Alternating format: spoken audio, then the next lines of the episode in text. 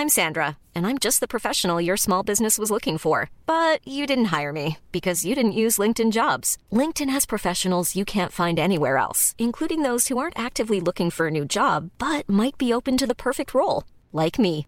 In a given month, over 70% of LinkedIn users don't visit other leading job sites. So if you're not looking on LinkedIn, you'll miss out on great candidates like Sandra. Start hiring professionals like a professional. Post your free job on linkedin.com/people today.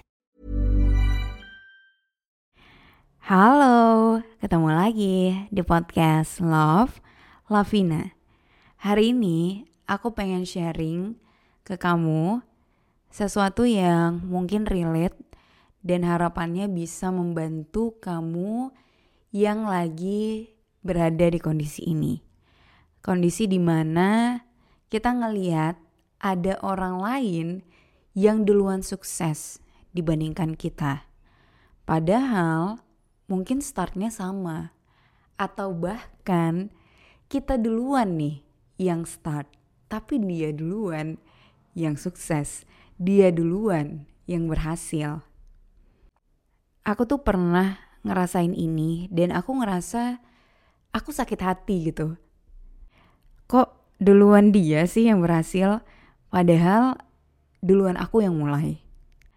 Kalau misalnya kita ngelihat ada orang yang sukses terus ya dia emang udah mulai dari bertahun-tahun yang lalu, mungkin kita lebih bisa apa ya, lebih bisa menerima gitu.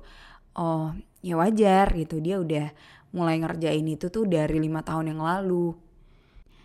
Jadi ketika kita baru mulai ngejalanin hal itu satu tahun dan kita belum sesukses dia, kita ya bisa menerima itu gitu. Tapi beda ceritanya nih ketika kita mulai duluan atau start di saat yang bersamaan, tapi ada orang lain yang udah lebih berhasil dari kita. Nah, ketika aku di momen itu, yang aku rasakan adalah yes, aku iri, aku ngerasa ini kayaknya nggak adil deh kan aku duluan. Terus aku ya udah membiarkan perasaan itu untuk beberapa saat. Lalu aku coba mulai mikirin nih, apa ya yang bisa aku lakukan untuk nggak ngerasa iri lagi dengan pencapaian orang lain. Nah, ketika aku udah waras nih, udah nggak lagi dipenuhi dengan rasa iri, dengki, kesel, sebel, kecewa itu, yang pertama aku lakukan adalah aku mengevaluasi apa yang sudah aku lakukan. Jadi aku coba lihat apa sih yang dia lakuin yang bikin dia berhasil yang mungkin belum aku lakuin. Jadi mungkin ada yang salah dengan cara aku. Menurutku belajar dari orang lain itu nggak apa-apa banget. Kita sangat boleh mencontoh konsistensinya orang lain, disiplinnya orang lain, dan menerapkan itu di diri kita. Contohnya nih, kamu lagi belajar bahasa Inggris udah dari tiga bulan yang lalu.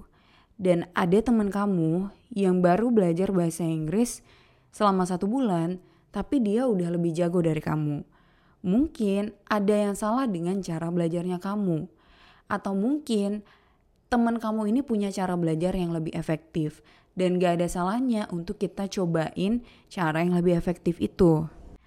Jadi kalau ada orang yang udah duluan sukses dari kita, padahal kita duluan yang memulai, menurutku gak apa-apa banget kalau di awal kita ngerasa jengkel dengan itu, sedih dengan itu, tapi setelahnya kita harus coba pikirin apa yang membuat dia berhasil dan apa yang salah dengan yang udah kita lakukan. Hal yang kedua yang harus kita lakukan adalah percaya kalau setiap orang punya timingnya masing-masing.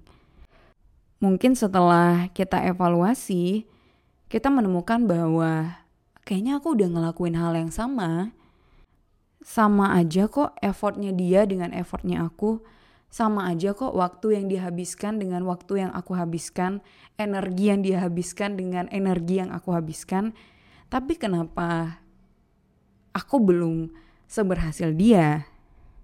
Nah, di sini kita harus ingat kalau setiap orang bisa punya timing yang berbeda-beda.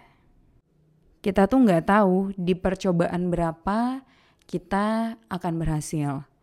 Mungkin dia berhasil di percobaan ke-10, tapi kita akan berhasil di percobaan ke-20.